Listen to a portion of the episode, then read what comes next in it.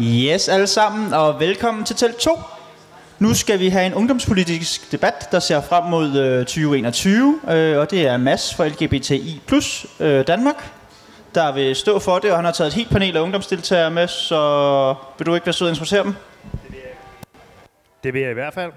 Hej og velkommen til. Det var dejligt, at I kunne komme igennem regnen. Det er lidt dårligere vejr i dag, så øh, jeg sætter pris på, at der alligevel er folk i, øh, i teltet. Jeg hedder som sagt øh, Mads Hvid, og jeg er politisk rådgiver i LGBT plus Danmark, og, og arbejder hver eneste dag med, øh, med LGBT plus politik, så jeg har glædet mig rigtig meget til at snakke med, med jer om det. Vi snakkede med et par af øh, folketingspolitikerne i mandags, og jeg håber, vi kan komme endnu længere med jer. Vi har også lidt mere tid. Øhm, vi skal alligevel forsøge at holde os sådan forholdsvis hurtige øh, i den her debat, for vi har, jeg har rigtig meget, jeg gerne vil nå. Øh, jeg vil også rigtig gerne have tid til, øh, at I får lov til lidt at folde ud, hvad, hvad jeres visioner på området er. Øh, lige før jeg starter med, med, med runden her, så synes jeg, at, og no shade, men jeg synes, at man godt må lægge mærke til, hvem der ikke er her. Det prøver jeg altid at sige, fordi det synes jeg faktisk, man skal lægge noget i, øh, hvem der har prioriteret det. Øh, vi starter hernede med Alf. Jeg skal lige sige, mine pronomer er han, ham, by the way, så når I præsenterer jer selv, må I gerne øh, sige, hvad I hedder. Gerne jeres pronomer, hvis I, hvis I er cool med det. Og lige sige, hvilket øh, ungdomsparti I er fra, og måske også jeres titel, hvis det er, hvis det er relevant. Øh, Alf, hvis du vil starte. Jo, jeg hedder Alf, jeg er 19 år gammel og kommer fra Socialistisk Ungdomsfront, og jeg bruger øh, de dem som pronomen, og jeg er øh, fungerende kontaktperson for SUFs queer-gruppe. Yes, og jeg hedder Mikkel, og min pronomer det er han, ham. Og jeg har en øh, virkelig lækker, lang titel i Alternativets Unge. Jeg er nemlig ligestillings-, mangfoldigheds- og integrationsordfører. Fedt. Øh, for det første er det mega fedt at se, at der er så mange, der er kommet og har lyst til at høre os snakke lidt. Øh, jeg hedder Anna, og jeg er 19 år gammel. Øh, jeg kommer fra SF Ungdom. Jeg har slet ikke en så sej lang titel. Øh, jeg sidder i landstedelsen for, øh, for SFU. Og, og øh, mine pronomer er hun, hende. Jeg hedder Karen, jeg er 20 år gammel, jeg kommer fra Venstres Ungdom, og jeg har også lidt en lang titel. Øhm, jeg er kultur, ideologi og religionsordfører, øhm, hvor vi i VU også puller øh, ligestillings- og øh, regnbuerettigheder ind under. Øhm, og mine pronomer er hun og hende. Jeg hedder Jakob, jeg er 24 år gammel, og så er jeg nyvalgt landsformand for Radikal Ungdom. Og øh, ja, jeg er jo sådan en øh, hvid, cis-kønnet, heteroseksuel og træls mand, øh, så I kan bare kalde mig han, ham. Øh, mit navn det er Martin. Jeg øh, bruger pronomerne han, ham. Jeg er 23 år gammel og øh, repræsenterer DSU, Danmarks Socialdemokratiske Ungdom. Øh, og jeg har sgu ikke nogen titel, jeg er bare medlem. Det er også bare i orden. Øhm, jeg tænker, vi starter med sådan helt op i helikopterperspektivet. Bare lige for at finde ud af, hvor I hver især er. Øhm, I må gerne være meget drømmende her. Det behøver ikke at være reelt politisk. Ja, vi, det kan, nogle af de her emner, som vi, som vi snakker om i dag, det kan meget hurtigt blive meget komplekst.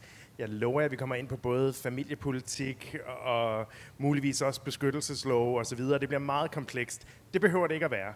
Øh, det må meget gerne være på et ideologisk plan. Vi skal prøve at være lidt uenige, fordi vi jo ikke er helt vel repræsenteret heroppe. Det var det, jeg prøvede at øh, insinuere lidt tidligere. Men, øh, men meget gerne op i helikopterperspektivet til en start. Øhm, og jeg tænker egentlig bare, at man, øh, man starter, når man, har, når man har noget at sige. Vi behøver ikke køre sådan frem og tilbage sådan her. Øhm, så lidt om, hvad er jer og jeres partis LGBT-politiske visioner? Så skal vi nok komme lidt mere ned i detaljen derefter. Jamen nu startede jeg med at sige, at jeg er sådan en cis-kønnet, hvid, heteroseksuel mand. Og det er jeg også. Men øh, hvad er min rolle så ved sådan en debat her egentlig? Min rolle det er også at lære at forstå og lytte og kigge på, hvordan jeg kan give bedre rettigheder og lige rettigheder til alle mennesker i Danmark, sådan så vi kan få et ligestillet samfund hele vejen rundt, og sådan til der er ingen, der på baggrund af, hvordan de føler, og hvordan de har, og hvem de er, skal føle sig ved siden af samfundet. Jeg er selv opvokset i Vestjylland, helt ude, hvor kravene de ikke engang kommer. Og der var de ofte, øh, de tillægsord, der ofte blev brugt omkring mennesker, det var bøsse, eller homo, eller det, e- og det ene og det andet. Og det sætter en eller anden underlig standard for, hvad det er okay at kalde folk. Og der vil jeg sige, der lærte jeg i løbet af min opvækst, at det har altså betydning, hvad man går og kalder folk, for hvordan man opfatter ting.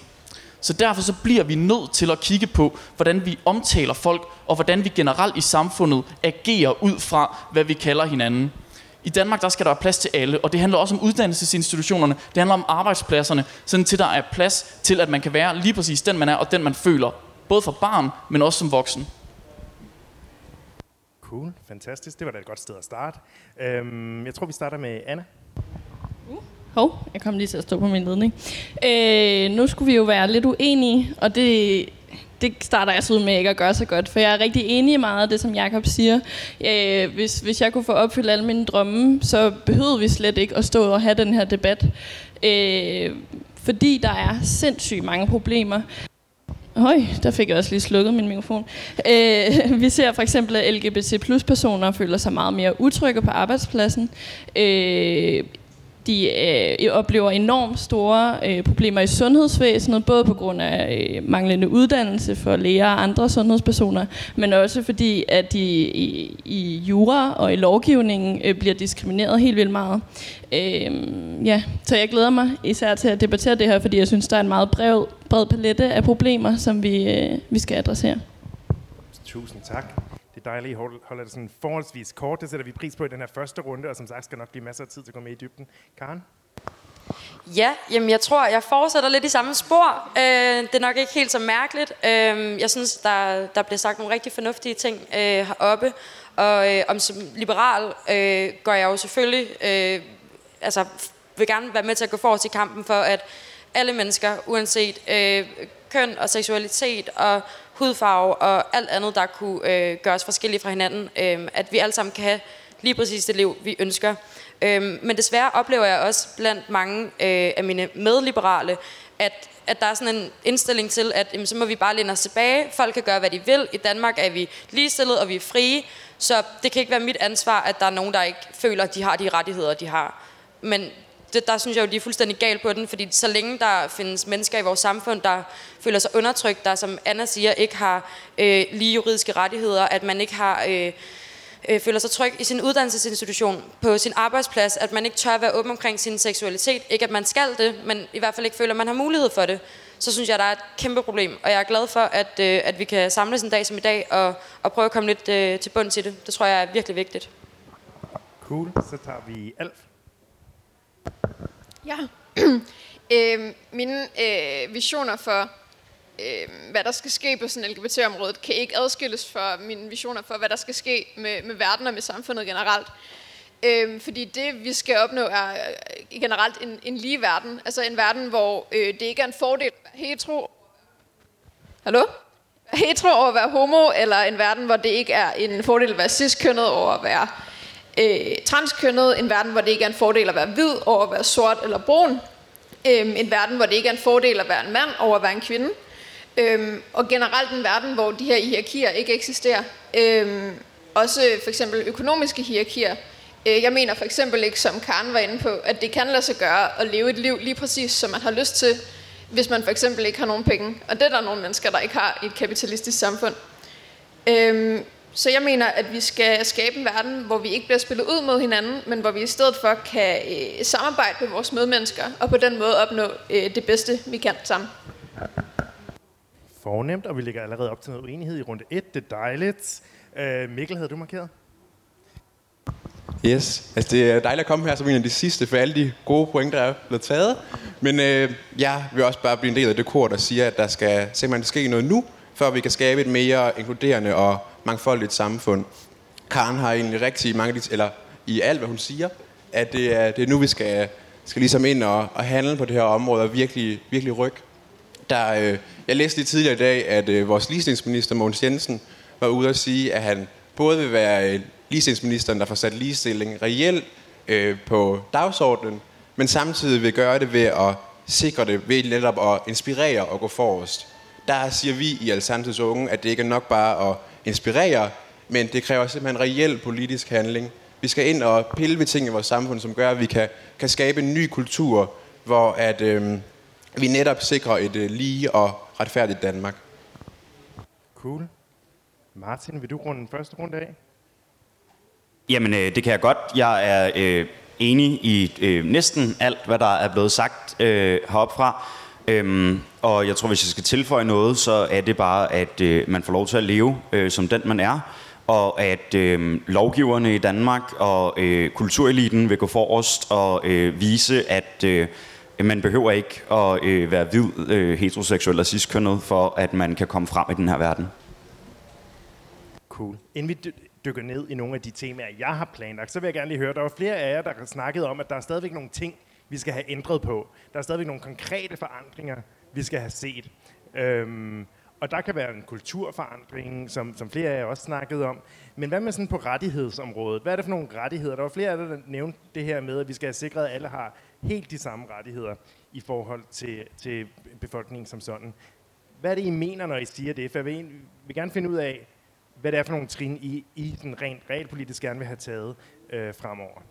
Jakob? Sådan der.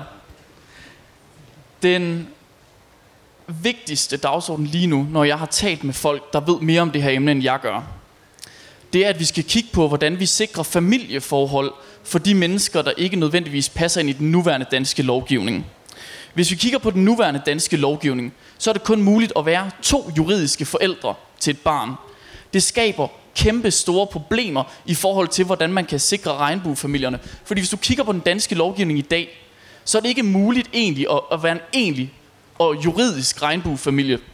Så bliver der lavet nogle sociale forældre, men de her sociale forældre, der er ligestillede forældre til barnet, har altså ikke mulighed for barsel eller overlov. Det skal vi have kigget på. Det er også et kæmpe stort problem, når vi kigger på, hvis der sker en skilsmisse, at der kan faktisk være en forældre, der har haft en rigtig, rigtig stor betydning for barnets opvækst, som lige pludselig mist, kan miste fuldstændig kontakten til sit barn, blot fordi, at der sker en ubehagelig skilsmisse. Så derfor er en af de vigtigste områder, vi skal have kigget på, det er at sørge for, at der kan være juridisk forældreskab til mere end to forældre. Jamen, nu markerede du, hvad jeg kan sige, din, øh, din kollega op i, øh, i øh, hvad, hvad kalder vi dem, i øh, Folketingspartiet, Moderpartiet, øh, var lidt skeptisk over for den her tanke om, om, om mere end to registrerede. Det er også et komplekst område, men jeg vil gerne høre, hvad, hvad I tænker om det i VU. Altså, øh, nu så jeg, Aarhus øh, lavede en kampagne her i dag, hvor, øh, hvor de foreslog det, og jeg skal blankt indrømme, at det ikke er noget, jeg har tænkt synderligt meget over, og ved helt vildt meget om. Øhm, men jeg er rigtig, rigtig enig i, at det er noget, vi skal, skal undersøge nærmere, fordi det kan ikke passe, at bare fordi der er en, en forælder, der øh, er stillet bedre juridisk, at det så skulle være den en bedre forælder til at tage vare på barnet. Så jeg synes, det er en helt vildt interessant debat, og jeg, jeg er i hvert fald rigtig, rigtig åben for, øh, at vi skal have kigget nærmere på det her. Fordi jeg synes, det, er, det lyder som et rigtig godt forslag. Super. Øh, Anna, tror jeg, markerede først. Yes. Jeg hiver lige den her ledning. Tak. Øhm, jeg er super enig, så jeg vil egentlig snakke om noget andet, tror jeg. Øhm, det er sådan, at i dag er der helt vildt mange problemer og udfordringer, hvis man er transkønnet. Blandt andet, så øh, hvis man gerne vil skifte juridisk køn, så er der for det første en aldersgrænse, der bestemmer, øh, hvorvidt man må det eller ej. Hvis man er under 18, så skal man også have begge sine forældres øh, samtykke til det. Øh, og det er også sådan, at der er en refleksionsperiode, hvis man skal skifte juridisk køn. Øh, og den synes jeg, man skal afskaffe, for det får lidt antydet, at det er et valg at være transkød, og man skal gå og tænke vildt meget over, hvidt man lige har lyst til at skifte juridisk køn. Og det skaber en kæmpe diskurs, diskurs i debatten om, øh, om øh, transrettigheder. Så det er noget, jeg synes, man skal sætte helt vildt meget ind for. Spændende. Jeg tager den lige, jeg tager den lige tilbage til den her med, øh, med de mere end, end to forældre. ske andre, vi skal nok komme ind på, på, på transrettigheder. Øh, det kan jeg love jer noget af det, vi går allermest op i i LGBT plus Danmark lige, lige nu. Hvis, I må gerne gøre det ved håndsoprækning, og det er okay, hvis man ikke er sikker. Men hvor mange af jer går ind for rettigheden til at registrere mere end to juridiske forældre? Ja. Det, og det skal I ikke stå til total ansvar overfor. Der er jo en, en hel del, og det gør vi i øvrigt også, LGBT plus Danmark. Men så vil jeg gerne snakke med om, hvordan løser man nogle af de her øh, problemer, som, som er for at nå derhen. Vi har allerede nogle issues med for eksempel øh, medfædre, i, som benytter sig af surrogasi i udlandet, som kan komme hjem og ikke have retten øh, til barsel for den, der ikke er registreret som forældre nu. Hvordan, hvordan får vi løst nogle af de problemer, og hvordan, altså, for det taler sig virkelig også ind i den her øh, snak om mere end, end to forældre. Hvad er det for nogle grundlæggende principper, vi skal tage med ind, når vi skal have løst nogle af, af, af de her problemer? Øh, Alf? Der tror jeg, det er rigtig vigtigt, at vi øh, tænker over, at vi faktisk har en masse teknologi til rådighed, øh, som kan gøre, at for eksempel hvis man er to kvinder, som gerne vil have et barn sammen, og den ene gerne vil være gravid, og den anden gerne vil øh, have ægget fra den person, så kan man ligesom tage æg fra den ene, putte det ind i den anden person. Det må man ikke i Danmark. Det er ulovligt. Øhm, og øh, på den måde er der ting, der er ulovlige. Man må ikke øh, få fertilitetsbehandling, når man er over 46 som kvinde. Øh, der er en masse ting, som der godt kan lade sig gøre, og som vil kunne hjælpe folk med at få de familieforhold, som de gerne vil, men som er gjort ulovlige på grund af, øh, ja, man kalder det etiske sådan, overvejelser, men jeg tror, at det handler om nogle rimelig heteronormative idéer om, hvordan familier skal se ud. Ja, Martin. Jamen, øh, altså bare sådan i forhold til, at der skulle være mere en, øh, en juridiske forældre øh, til et barn, så var det altså først i 70'erne, at man gav mulighed for, at der kunne være mere end øh, én juridisk forælder til et barn. Øh, når man kunne løse det juridisk i 70'erne, så forstår jeg ikke, at man i år 2020 ikke kan løse, at der skulle være mere end to juridiske forældre til et barn. Jakob, du var meget entusiastisk for lige før. Er du stadig? Jamen, øh, der blev sagt mange af de ting, jeg også gerne ville sige. Men når jeg sådan har siddet og talt med nogen om det her, så siger de, ah, øh, lad os lige se, om der ikke sker en kulturændring, sådan til vi ikke øh, har den her følelse af, at det er ubehageligt. Og der bliver jeg bare nødt til at sige, jeg kræftede mig træt af at vente. Jeg vil gerne have handling nu. Og så nogle gange, så må man altså skride til handling og træde det ene skridt længere, end hvad nogen måske føler i lige maven, bare fordi de har en eller anden underlig mavefornemmelse, på grund af en eller anden gammeldags ting eller idé omkring, hvordan en familie ser ud. Vi bliver nødt til nogle gange at træde et skridt længere, end hvad folk synes er eller i hvert fald hvad nogen folk synes er det mest behagelige, for at kunne lave en kulturændring nu. Vi skal kigge på, hvordan vi gør hverdagen nemmere for alle danskere. Og det her det er et ret nemt og gratis forslag, vel og mærket, også at føre igennem. Det koster ikke noget. Vi skal bare lige have tilført en sætning i løbet af en linje, der beskriver, at der må være flere juridiske forældre til et barn. Jeg tror, der er nogle embedsmænd, der vil være lidt uenige i, at det ikke koster noget, men, øh, men det er jeg glad for, at du siger. Lad os holde fast ved det. Øhm, for at tage den her videre omkring familieformer. Øh, en måde, som regnbuefamilier bliver skabt på, er ved brug af surrogasi. Øh, det sker allerede i Danmark. Der er, øh, jeg ved ikke om der er mange, men der, der, der findes øh, dejlige familier i Danmark allerede, som er skabt på den her måde. Men folk må tage til udlandet for at benytte sig af det. Øh, det har jo alle mulige betydninger for, øh, hvem der har adgang til det, øh, hvem der kan benytte sig af det. Men der er også nogle overvejelser, som tit kommer ind øh, når man diskuterer det her, blandt andet øh, kvinders øh, rettigheder, ikke mindst når vi snakker om, om, øh, om udviklingslande. Jeg vil rigtig gerne høre, og måske er jeg godt kunne tænke mig at høre jeres allesammens øh, syn på det. I skal selvfølgelig have lyst til at snakke om det. Øh, men hvad I tænker om, altså, er surrogasi noget, vi skal give tilladelse til i Danmark, og, øh, og hvis det er, hvordan skal det system indrettes, og, og under hvilken hensynstagen til nogle af de her etiske dilemmaer? Og Karen, du var du markeret først. Øhm, ja, det klare svar på, om vi skal tillade det i Danmark.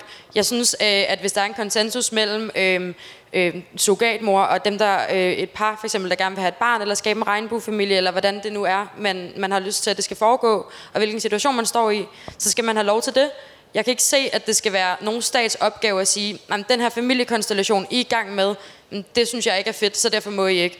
Jeg synes, vi skal turde være normkritiske, og som unge skal vi særligt ture og, og sige til de øh, gamle, øh, lidt, øh, hvad skal man sige, dem, altså politikere, der går med skyklapper et eller andet sted, øh, sige til dem, at, at det kan godt være, at det ikke er den måde, de har lyst til at leve på, men det er der måske andre, der gerne vil, og de skal have retten til at gøre det. Hvordan et, øh, et system sådan helt øh, specifikt skal se ud, det ved jeg ikke nok om til, øh, til at kunne sige det, men, øh, men der skal i hvert fald være et. Anna? Øh, jeg er også meget positivt stemt over for det, og er meget enig i mange af de pointer, Karen allerede har sagt.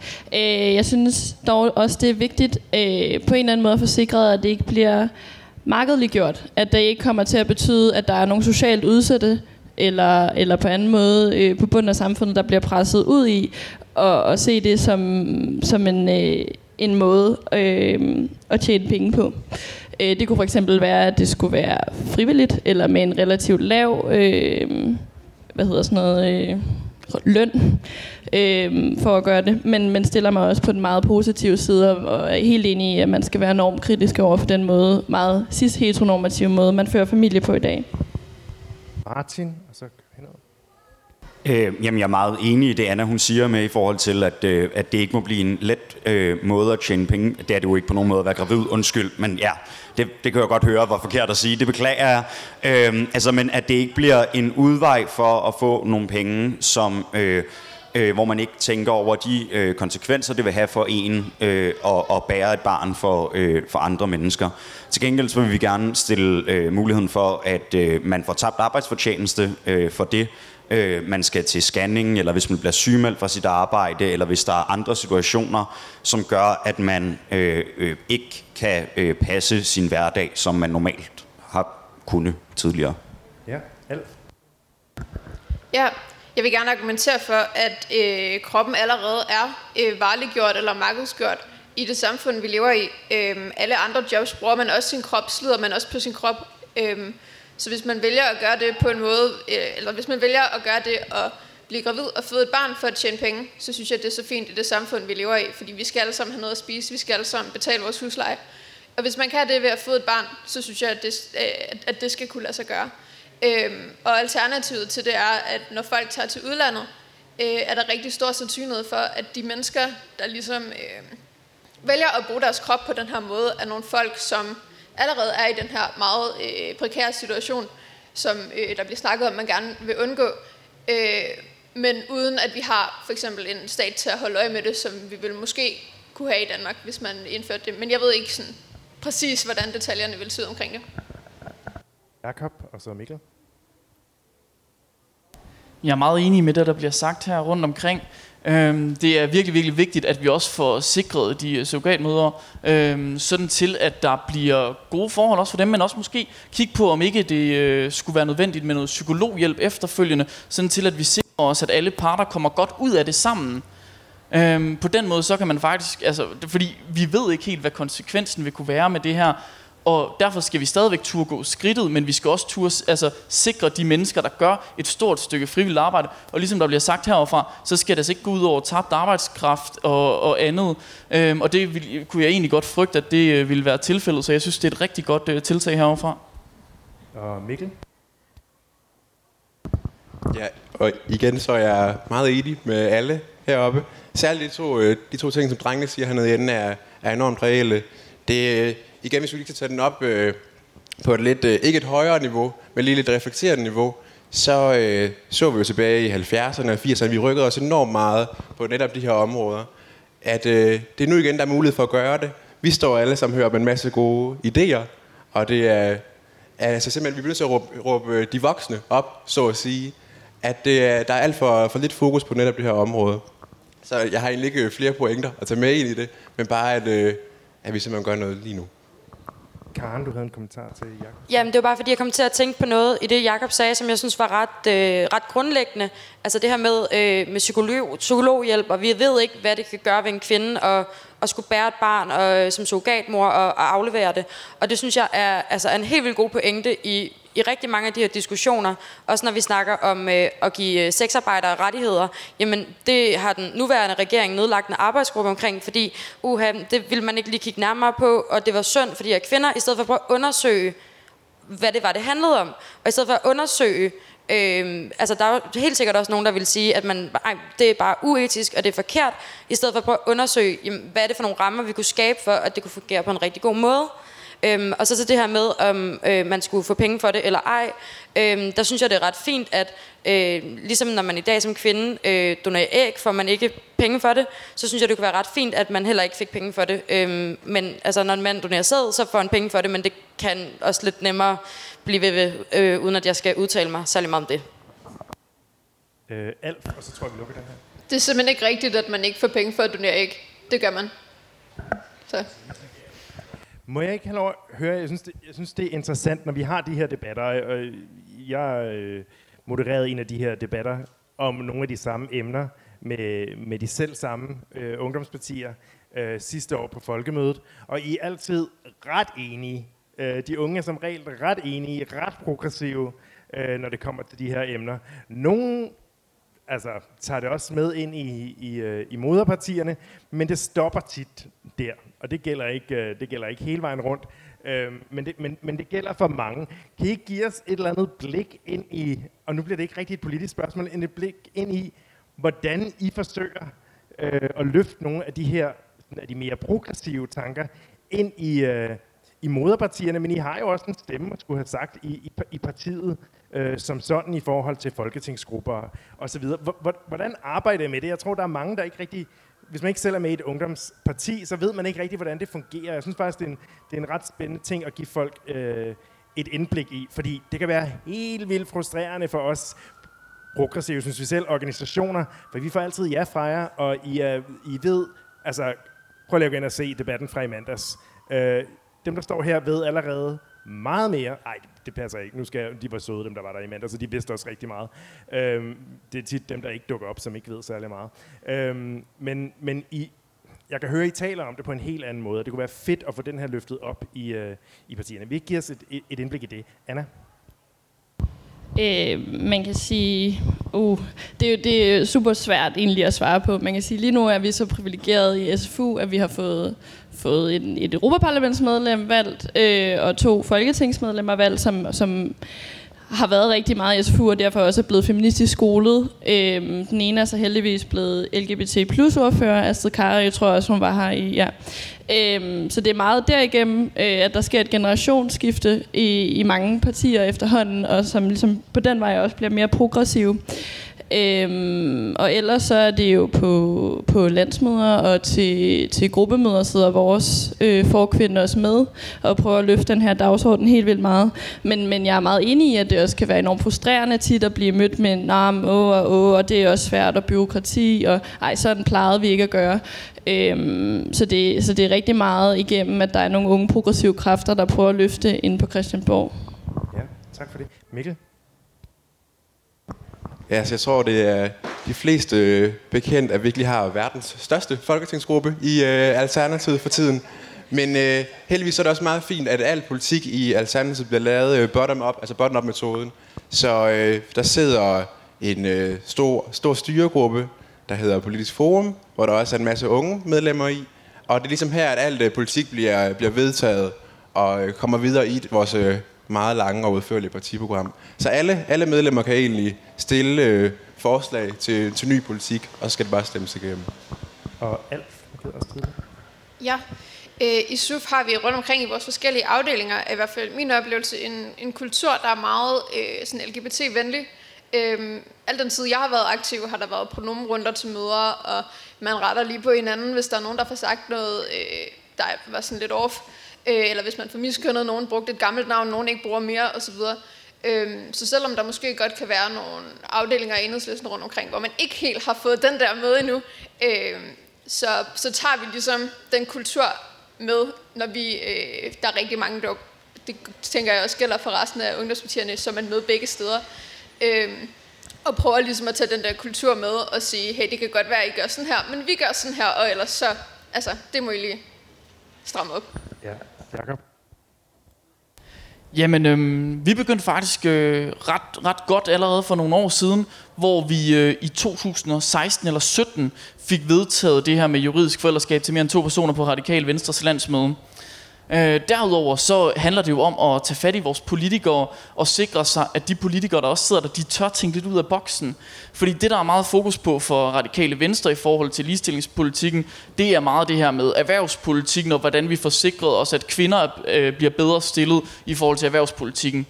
Men jeg tror også nogle gange, det handler lidt om, at der er en eller anden form for berøringsangst ved at lave de helt store ændringer. Altså ved sådan noget som juridisk forældreskab til mere end to forældre, men også i forhold til vores CPR-nummer, der skal være kønsneutrale og sådan noget. Jeg tror, det handler lidt om, at det der ene skridt, der kan man være lidt bange for, hvad folks holdning er. Og der er det en ret stor fordel at have vores, ungdomsparti, øh, vores ungdomspartier. For vi kan gå ud og mene det, vi egentlig mener, og ikke være bange for, hvordan øh, nogle folk måske reagerer på det. Fordi vi, har, så, vi skal ikke søge sådan en, en eller anden grundlæggende opbakning. Vi kan virkelig gå ud og mene det, fordi vi mener det, og ikke bare fordi vi skal trække stemmer. Karen, Ja. det vil jeg også gerne høre dig om. Ja. Øhm, mit parti, Ungdomsparti som moderparti, kan jo godt være lidt øh, tung at danse med på den her dagsorden. Øhm, jeg vil ønske, at, øh, at vi havde lidt mere øh, den kultur, som Alf beskriver, at det kan godt være, at det ikke er alle steder i enhedslisten, at man lige retter på hinanden, eller lige øh, får tiltalt hinanden, som, øh, som man ønsker. Det tror jeg, man gør mindre hos os. Øhm, og jeg tror, øh, at det afskrækker rigtig, rigtig mange at, at være med hos os, fordi man ikke øh, føler, at man passer ind i den der perfekte øh, form, som, som samfundet forventer, man skal være. Øhm, og der hører jeg helt sikkert også til den, øh, til den meget, meget progressive del af, af mit parti, som ønsker at gøre op med det her, øh, og som ønsker, at vi får valgt en hel masse unge øh, progressive kandidater til byrådet, til regionsrådet, til Folketinget, øh, så de kan være med til at, at gøre en forskel. Og ja, selvfølgelig så tager vi jo også ind på Christiansborg til vores øh, folketingsmedlemmer og siger, jamen vi synes, de her, de her, de her ting er en rigtig god idé. Og så siger de, jamen det er en vild god idé, og så hører man aldrig mere. Måske indtil man siger det igen. Og så, nå ja, jamen det skulle vi nok lige prøve at kæmpe for. Og så kommer man tit ikke så langt videre. Øhm, så altså, vi, vi kæmper med næb og klør for at, at få skabt den her forandring øhm, nedefra. Og jeg, jeg håber, at, øh, at der er flere øh, i mit eget parti, der også har lyst til at hoppe med på den vogn. Du får lov til at runde af her. Yes, øh, jamen øh, øh i DSU, der øh, har vi et øh, meget tæt samarbejde med Socialdemokratiet i øjeblikket, øh, hvilket er rigtig dejligt. Øh, også fordi, at vi har regeringsmagten, så øh, når vi mener noget i DSU og tager det med til øh, vores øh, folketingsmedlemmer, så tager vi det også øh, med direkte ind i regeringen. Og øh, det øh, er bare en fordel øh, at, at, at kunne være så direkte øh, tæt på regeringen, øh, som vi i øjeblikket kan i DSU på, øh, på alle områder. Øh, så udover at øh, de valgte i DSU øh, øh, tager det med, så øh, har Socialdemokratiet også et regnbuenetværk, øh, hvor at alle DSU'ere og medlemmer af Socialdemokratiet er velkomne til at øh, være med. Og så mødes vi løbende med relevante politikere, øh, og havde her for en måneds tid siden, tror jeg, et øh, møde med ligestillingsministeren, øh, hvor at han i hvert fald prøvede at høre, hvad vores tanker var om nogle af de forslag, som regeringen kunne finde på at melde ud med. Jeg skal sige, at vi går og spændt og venter på, at regeringen kommer med en, en lovgennemgang på LGBT plus området, og jeg var selv lige til møde med ligestillingsministeren. Jeg tror, jeg tror ikke, det var så længe endnu. Så øh, vi håber, I har fået, fået nogle ting sat på, sat på dagsordenen. Øhm, jeg vil gerne lige høre, inden vi går videre til det næste øh, punkt, om der er nogle spørgsmål fra salen, eventuelt fra online. Ellers hopper vi flugst videre. Det gør vi. Okay. Jeg kunne godt tænke mig at tale med jer som politikere, som ikke er så langt væk fra grundskolen, selvom det, jeg tror, det er et par år siden for jeg alle sammen i virkeligheden. Øhm, vi ved øh, fra undersøgelser, altså det, det er dokumenteret, at LGBT plus elever i skolen føler sig 5-6 gange mere ensomme end, end, øh, end, øh, end elever som sådan. Øh, udvikler, udvikler selvmordstanker altså fem gange oftere og helt ned i 12-årsalderen øhm, og bliver mobbet øh, op til fem gange oftere end, end deres jævnaldrende. Det får en til at tænke, at der er rigtig mange steder, man skal sætte ind. Øhm, men her vil jeg gerne have, at I bliver rigtig konkrete. Fordi her har vi virkelig i mange år hørt om nogle, nogle af de der store tanker, at vi skal bare alle sammen være sødere ved hinanden. Men hvad kan vi sådan helt konkret gøre, for at de her elever altså, får det markant bedre, og, og, og gerne lige så godt som, øh, som de øvrige elever i skolen. Og der røg fingre op hele vejen ned. Det er et godt sted at starte. Jeg tror faktisk, den her gang, vi starter med Mikkel. Fedt. Øhm, altså helt konkret, så kan vi jo gøre, øh, altså brede seksualundervisning ud og gøre det obligatorisk, at man bliver underviser i, i normkritisk, og, eller bare undervise normkritisk generelt, og måske også samarbejde med flere LGBTQ øh, plus organisationer. Jeg sad i hvert fald selv øh, i folkeskolen som en, øh, som en lille 13-årig knægt og lyttede med øh, i seksualundervisningen, og egentlig ikke helt kunne, kunne se mig selv i det her, øh, det her billede af, af tissekoden, tissemanden på den ene side, og man hørte om, hvordan øh, mænd og kvinder de går sammen i et forhold og fra børn. der øh, udviklede jeg selv tanker, hvor jeg egentlig troede, at der, der var noget galt med mig. Jeg, jeg følte mig forkert. Og da jeg så altså, springer ud til min mor som 13-årig, så er det netop med, med tårer i øjnene, hvor jeg siger, at der er simpelthen noget galt med mig. For jeg er ikke blevet oplyst omkring, at der er, der er andre måder at leve på, andre måder at elske. Så det er et øh, helt konkret sted, man kan gå ind og logge i. Anna? Ja, igen, jeg er helt vildt enig. Øh, seksualundervisning er et rigtig godt sted at, at sådan, gå ind øh, og sørge for, at det ikke bliver, bliver begrænset til temauger. Øh, nu er det ikke så lang tid siden, jeg gik i folkeskole. To-tre år siden, jeg gik i folkeskole. Øh, og der var det sådan, at man havde en uge 6, og det var ligesom det. Øh, og, og kan virkelig også ikke genkende til det billede, som Mikkel tegner med, at det var meget, meget cis-heteronormativt. Øh, så super godt sted at sætte ind. Derudover synes jeg også noget som kønsneutrale toiletter er en super god idé. Øh, og at der skal være øh, generelt på rigtig mange områder, både på skole og arbejdsmarked og sådan noget, synes jeg, at der er mange øh, retningslinjer, der rigtig godt kunne klare et LGBT plus tjek. Altså står der noget i mobbepolitikken om LGBT? Det tror jeg ikke. Øh, det er også et rigtig godt sted at starte. Er der, er der en mobbepolitik? Øh, Karen? Øhm, I folkeskolen, der skal vi helt konkret uddanne folkeskolelærerne i seksualundervisning. Og så synes jeg, vi skal have folke, øh, hvad hedder det, seksualundervisning fra 0. til 9. klasse. Og det er jo ikke, fordi man skal møde op som øh, 5-6-årig øh, og lære om øh, øh, menstruation, men, men jeg synes, man fra starten man skal lære om grænser, om kønsforståelse, om øh, kønsidentiteter, seksualiteter, øh, samtykke, alle de her ting, øh, som er, altså, er virkelig nødvendige for, at vi kan være søde ved hinanden. Øhm, og på nuværende tidspunkt, der er det obligatorisk i løbet af sin folkeskoletid at have haft seksualundervisning. Jeg tror, vi havde en halv dag øh, i hele min folkeskoletid. Men jeg synes, man skal timeafsætte øh, på hvert eneste år. Ligesom man har dansk øh, et antal timer og matematik et antal timer. Så skal man også have øh, seksualundervisning et bestemt antal timer hvert år. Og så synes jeg også, at man skal inkorporere det mere i de andre fag. Det kunne være, at man, øh, man læste en novelle i dansk øh, om, øh, om transperson, og øh, analyserede den og snakkede om det. Så det ikke bare er sådan noget, godt, nu har vi seksualundervisning, men at man inkorporerer det i de andre fag, så man ligesom, det ligesom bare bliver en naturlig del af ens verdensbillede. Og jeg vil jo ønske, at alle kom hjemmefra med, øh, med en åben forståelse og nysgerrighed på verden, uden fordomme og alt muligt andet. Men sådan hænger verden bare ikke sammen, og derfor tror jeg også, det er øh, en af folkeskolens opgaver at, at gøre noget her. Martin? Øh, yes, jamen i DSU der vil vi have, at øh, alle øh, nyuddannede lærere, pædagoger øh, og andre øh, mennesker, der skal møde øh, børn og unge øh, generelt, de bliver uddannet i køn, krop og seksualitet øh, som et fag på deres uddannelse. Og så vil vi også give øh, et boost til, at øh, de, der allerede er øh, færdiguddannede, også øh, kommer på kursus og øh, øh, ligesom får en forståelse for, hvordan det er øh, at have børn i, i klassen, som, som ikke er øh, heteroseksuelle og ciskønnede.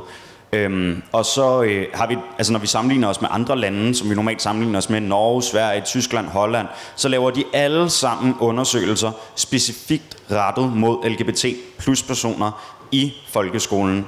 Det gør vi ikke i Danmark. Altså, vi har ikke særlig meget data på, hvordan det går. Øh, så altså, selvom at, at vi har nogle tal, så er jeg bange for, at det står endnu værre til, end det i virkeligheden er. Og hvis jeg bare lige må sige en lille sidste ting, øh, så øh, er det, at... Øh, øh, at øh, det skal ikke kun være i folkeskolen, øh, det skal være et krav øh, med seksualundervisning. I øjeblikket så er der ikke noget krav til øh, privat- og friskoler øh, i, hvordan de underviser i seksualundervisning.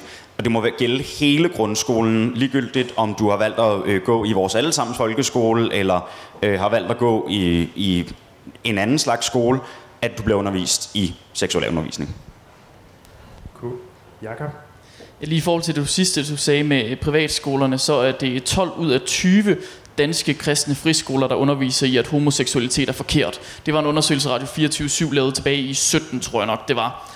Øhm, det er super træls at komme på her til sidst, fordi der er taget så mange gode pointer. Jeg synes specielt pointen med, at øh, seksualundervisning skal begynde meget tidligere, er sindssygt vigtig, fordi det er også der, vi danner en, en eller anden form for normsbillede. Men hvis vi, hvis vi ikke danner et normsbillede, hvis vi danner os et billede af, at alle mennesker er forskellige, og ikke nødvendigvis passer ind i de her faste, gammeldags bokse, vi har lavet til at forstå verden, så er vi, så er vi kommet et ret godt stykke allerede.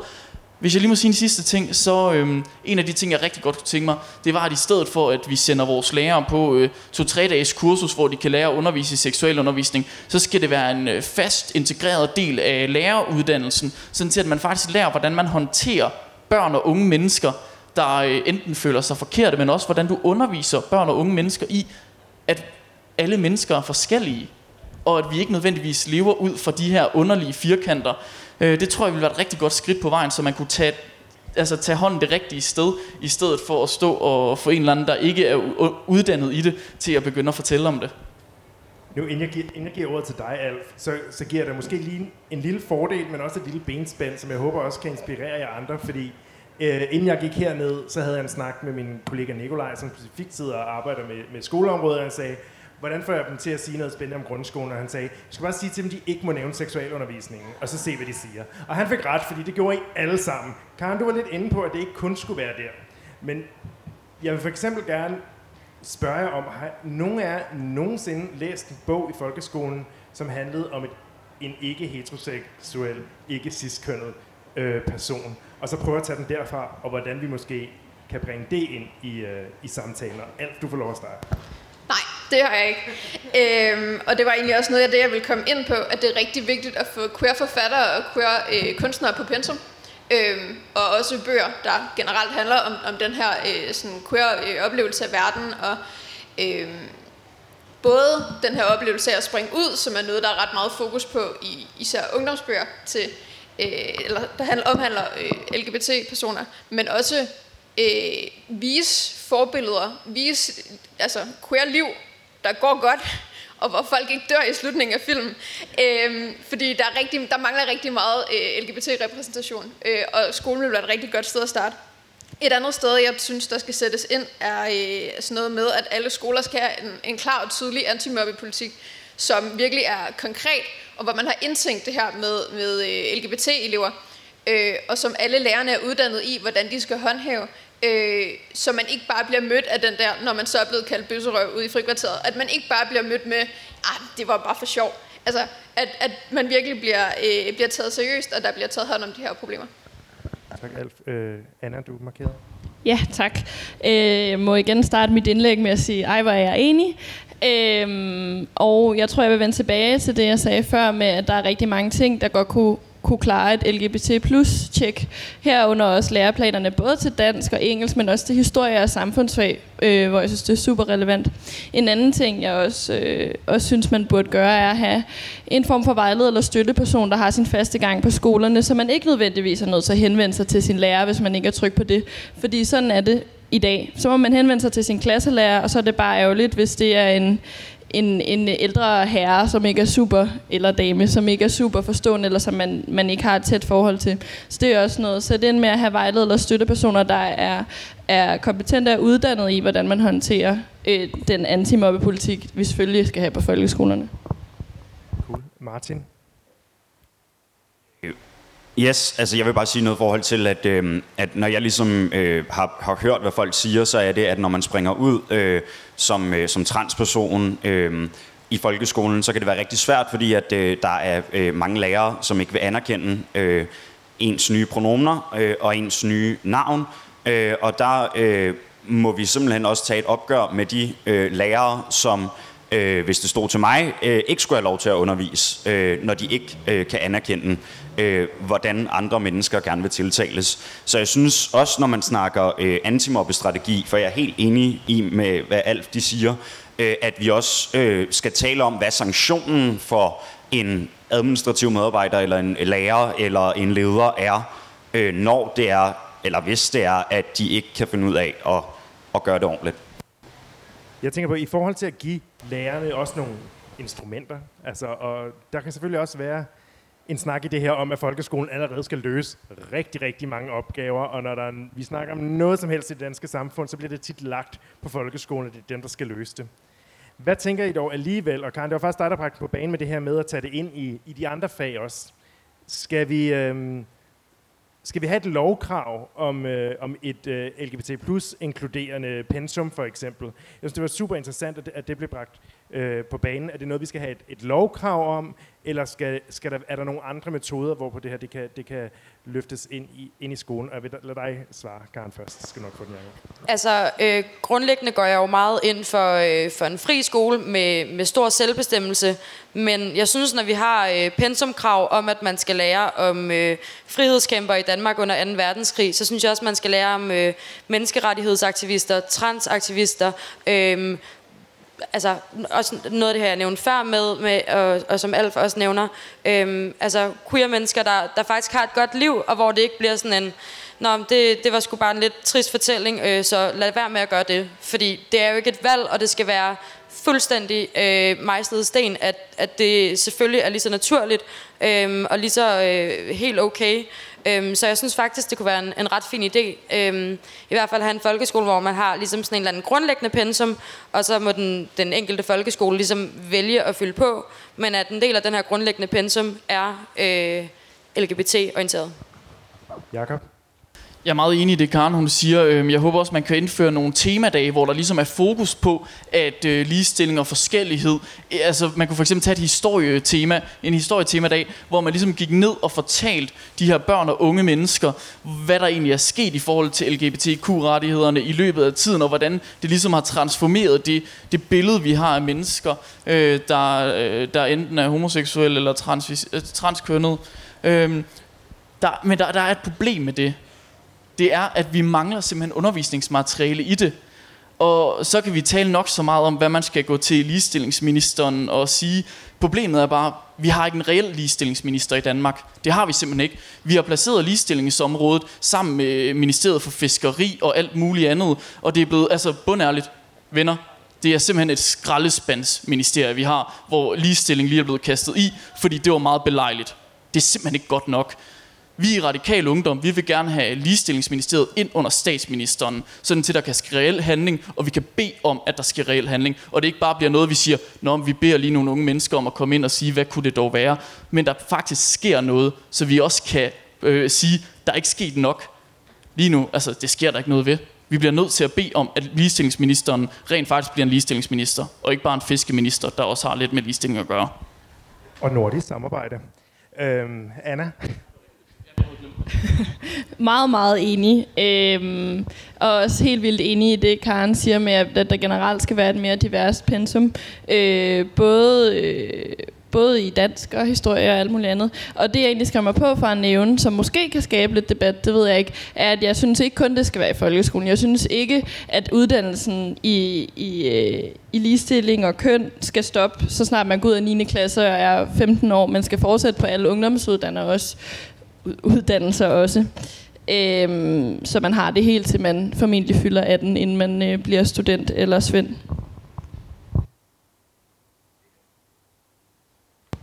Også meget enig.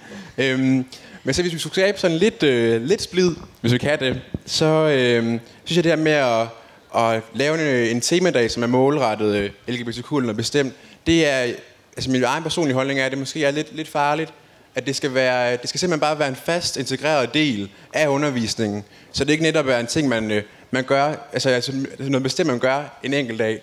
Det skal være noget, der, der glider ind, og så man ligesom øh, får en almindelig forståelse af det. Det var faktisk bare det, jeg ville sige.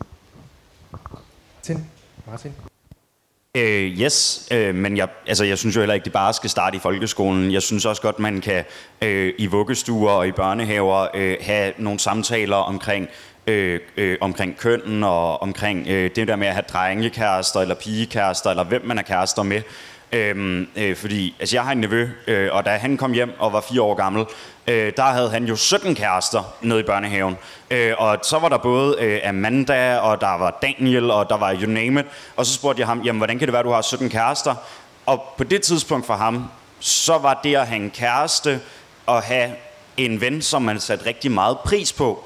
Så jeg, altså, når man allerede der i den alder kan snakke omkring det der med at have kærester, så synes jeg også at vi kan udfordre, øh, hvordan man kan være kærester med hinanden. Og hvorfor skulle man ikke have lov at have 17 kærester? Karen? Jamen, det var måske lidt til, øh, til det her med temadage, og om hvorvidt det kunne blive farligt. Og jeg er virkelig, virkelig enig i din betragtning, fordi det kan godt være sådan lidt øh, at sætte noget til skue, og sådan, det her det er lidt underligt, men nu snakker vi om det, så vi prøver at gøre det normalt og det kan jo helt vildt modarbejde den intention, der er bag. Øhm, så jeg tror, hvis man kan på en eller anden måde, som man har temadag om alt muligt andet, øh, om krige, eller om, øh, øh, det ved jeg ikke, øh, hvad det nu skulle være, øh, at man ligesom kan, det kunne være, det var øh, en temadag om aktivister i verdenshistorien, men så har man alle mulige typer aktivister med. Øh, så det ligesom altså, bliver en inkorporeret del af det. Øhm, men jeg tror, du har ret i, at hvis man sådan skal pinpointe, i dag der handler det øh, om, om, altså om LGBT+, øh, så tror jeg også, det kan blive farligt, farligt rigtig hurtigt. Jeg lige giver den til Jakob, så hvis I, må, hvis I har et spørgsmål, så må jeg altså endelig bare række, række hånden op, så skal jeg nok komme til jer, for ellers så går vi øh, hurtigt videre lige om lidt. Øh, Jakob? Ja, det er bare en meget kort kommentar i forhold til det her med, med, med at, øh, at gøre det tidligere end folkeskolen. Det er et virkelig, virkelig godt forslag, og det er egentlig også et nødvendigt forslag. Øhm, BBC har lavet en undersøgelse, hvor man får helt øh, tilfældige mennesker ind, der skal lege med et barn, og de får at vide, at det her barn det er en dreng, eller det her barn er en pige. Når de får drengen, så giver de drengen legetøj, altså en racerbil eller et eller andet, og når de får pigen, så får de en dukke, hvor man ligesom skal give omsorg. Det er altså med til at, at, at ud, ud, ud, altså udvikle den tendens med, at kvinder, det er nogen, der skal være omsorg, drenge, det er nogen, der skal køre racerbiler eller sådan noget. Hvis I googler, det, I skal ikke gøre det nu her, men kan, I kan gøre det efter debatten. Hvis I googler drengelegetøj, og hvis I derefter googler pigelegetøj, så kommer der for det første forskellige farver ud. Drengene de er blå, mens pigerne de er lyserøde. Drengene er racerbiler eller alt muligt andet, man skal samle, mens pigerne det er øh, støvsugere og små køkkener og Barbie-dukker. Altså, der er jo et eller andet, I kan godt se det, ikke? Der er et eller andet helt galt, når vi har fået vendet os fuldstændig til, at der er en bestemt type legetøj til en bestemt type mennesker, blot på grund af, hvad, hvilken type kromosomer de har i kroppen. Altså, det er helt hul i hovedet, og det er derfor, det er virkelig vigtigt, at vi tager fat i det tidligt. Jeg er så glad for, at du bringer det op, for jeg er faktisk lidt bange for, at jeg havde glemt det ellers fra debatten. Øhm, inden vi slutter vores snak om grundskolen, øhm, og blandt andet har snakket om lovkrav og så videre, så spørger jeg lige igen, bare fordi jeg så en komme ind i, ind i rummet, om der er andre, der har et spørgsmål. Jeg kunne forestille mig, at Nikolaj, som jeg snakkede om tidligere, som lige kom ind i rummet, har et spørgsmål til jer. Det kan jeg se, han har. Hej, I kender mig nok ikke endnu, men jeg kommer til at kontakte jer alle sammen. Jeg er ny politisk talsperson i det, der hedder LGBT plus ungdom, og kommer lige over fra Ligestillingsministeriet og har snakket med Mogens Jensen lige præcis om det her område. Jeg kunne godt tænke jer at høre, hvordan, hvis vi ikke snakker seksualundervisning, vi ikke snakker undervisning, men hvordan vi får rettet op på, at den her elevgruppe, som jeg er sikker på masser repræsenteret, får rettet op på den massive mistrivsel og selvmord, der desværre eksisterer blandt de her elever. Hvordan I vil rette op på det her, hvis vi ikke må nævne lovkrav, hvis vi ikke må nævne seksualundervisning. Nu kunne jeg høre noget omkring børnelegetøj, men måske hvis vi får taget debatten lidt bredere ud. Nu har Nikolaj ikke lyttet helt med, jo, fordi han lige er kommet, og vi har faktisk dækket ret meget af det. Men jeg synes faktisk, det er en ret godt benspænd at sige, okay, nu må I hverken nævne seksuel undervisning, det fik jeg også sagt til, at jeg ikke måtte, og I må heller ikke nævne, nævne lovkrav.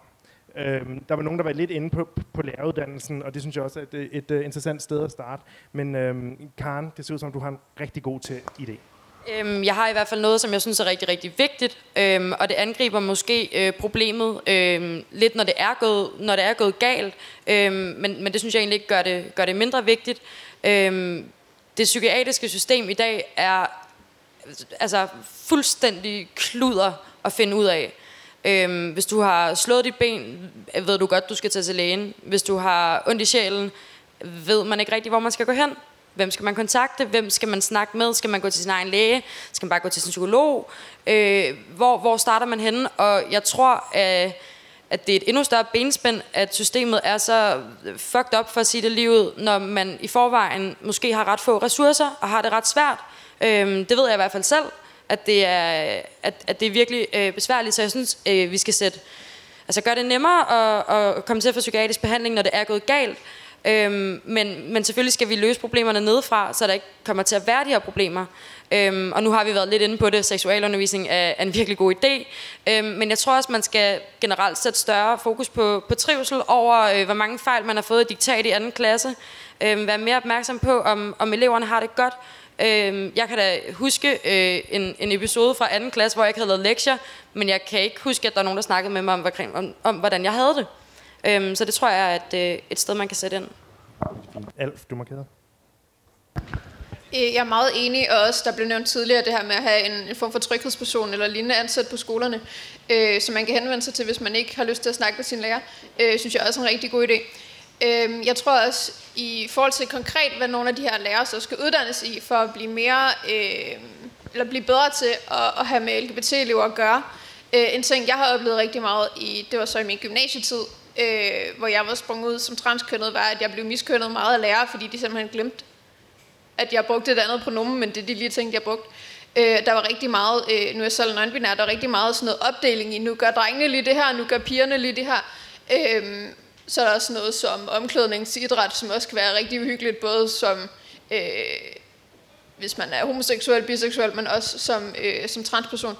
Øh, så jeg tror rigtig meget, at det her med at, at undervise lærere i på, på uddannelsen øh, og gribe uddannelsen kønsneutralt an.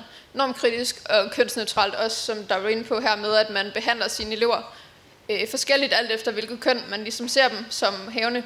Øh, og det skal man simpelthen også lære på, på læreruddannelsen, det her med at, øh, at ikke tænke, øh, ikke have kønnet på eleven i baghovedet, når man øh, ligesom underviser dem. Jakob? Jamen, der er simpelthen blevet sagt nogle gode ting lige nu her, så jeg har næsten ikke glemt, hvad jeg skulle sige, men det var meget med psykiatrien også i forhold til det, du sagde, Karen. Øhm, men jeg tæ- altså, vi har også nogle ret gode medier i Danmark, der kan gå ud og så kan undervise i, hvordan er det egentlig, man kan gøre tingene lidt anderledes, end man nødvendigvis gør det i dag. Det gør de allerede i forhold til klima og nogle andre ting. Men kunne det ikke også være, at vi skulle øh, sige, Danmarks Radio, I skal simpelthen være bedre til at give nogle forslag til at undervise i, hvordan når man får børn, hvordan du selv kan oplære dine børn til at være bedre mennesker, end du, du måske selv var, i forhold til, hvordan du går til skolen. Fordi børn kommer altså ikke hjem fra skolen og siger, jeg har, det, jeg har det dårligt, jeg er blevet mobbet. Det er i hvert fald de færreste, der gør det af dem, der bliver mobbet. Børn kommer heller ikke hjem fra skolen og siger, jeg har lige mobbet. Det gør de ikke. Så vi skal være bedre til at undervise forældrene i os, hvordan man, øh, hvordan man opdrager sine børn til at kunne gøre det anderledes. Og der kunne Danmarks Radio, øh, TV2 Eko, der også laver nogle af de her ret, øh, ret spændende serier, være med til at kigge på det. Anna, du får lige lov at afslutte det her segment. Tak skal du have. Jeg er helt vildt enig i det, du siger, Karen. Øh, og derfor synes jeg også, at der skal være gratis psykologhjælp til alle. Øh, så det ikke skal være hverken ens ressourcer eller ens forældres velvilje til at betale eller hjælpe til en psykolog, der skal afgøre, hvorvidt man får hjælp i god nok tid. Øhm, og så bliver der også nævnt den her tryghedsperson, øh, som jeg også snakkede om før. Øhm, og vi snakker meget om læreruddannelsen, men jeg tror også, at det er helt vildt vigtigt, og at man får noget enormt kritisk øh, undervisning på pædagoguddannelsen, og der generelt kommer mere pædagogisk personale i skoleklasserne, der kan hjælpe med, at man ikke bare fokuserer på, hvor mange fejl man får i diktat, men som kan være med til at spotte de elever, der mistrives. Øh, fordi at lige nu, så står en lærer alene med 24, nogle gange flere børn, og så kan jeg godt forstå, selv hvis man har ressourcerne og viljen til at gøre noget, det kan være enormt svært. Så både ja, trivselsperson, som er, er en, en objektiv person, som man ikke nødvendigvis kender, men også mere pædagogisk personale, både i fagtimer, øh, på lejerskoler øh, osv. Øhm, yes, øh, i forhold til spørgsmålet helt ned bagfra, så bliver det ikke sådan noget øh, øh, politisk nu, men det bliver bare sådan i queer-miljøet, hvor jeg selv kommer en del, øh, så øh, synes jeg, at øh, vi bliver nødt til at stå op imod øh, øh, den racisme, som også foregår i det miljø, øh, som skulle være der, hvor man føler sig tryg. Øh, Mikkel? Så kort. Jeg simpelthen godt lige så kort også. Øhm, altså, du nævner selv øh, skolesystemet dernede, uddannelsessystemet. Og der, øh, vi har snakket om det før, at en, øh, en synlig inklusionspolitik øh, på alle skoler, et lovkrav om det. Nu sagde jeg lovkrav, undskyld. Øhm, altså, hvis vi får det indført, og der er lærere, der ligesom øh, også øh, går ind for det også, så kunne der ske rigtig meget, for så kunne vi, vi tale om problemerne, lærere kunne være opmærksomme på det, og så kunne vi ligesom løfte folkeskolen gennem det. Tusind tak. Det, blev, det kom lige til at gå lidt hurtigt nu. Øhm, vi fortsætter både i morgen, der har vi blandt andet i LGBT plus Danmark en snak med ligestillingsministeren, jeg tror det er det her telt, og så sker der jo et masse debatter, og der er en virtuel øh, Pride-parade på lørdag, og så er der Nørrebro Pride, hvor jeg også håber, at rigtig mange af jer vil dukke op. Tusind tak, fordi I kom.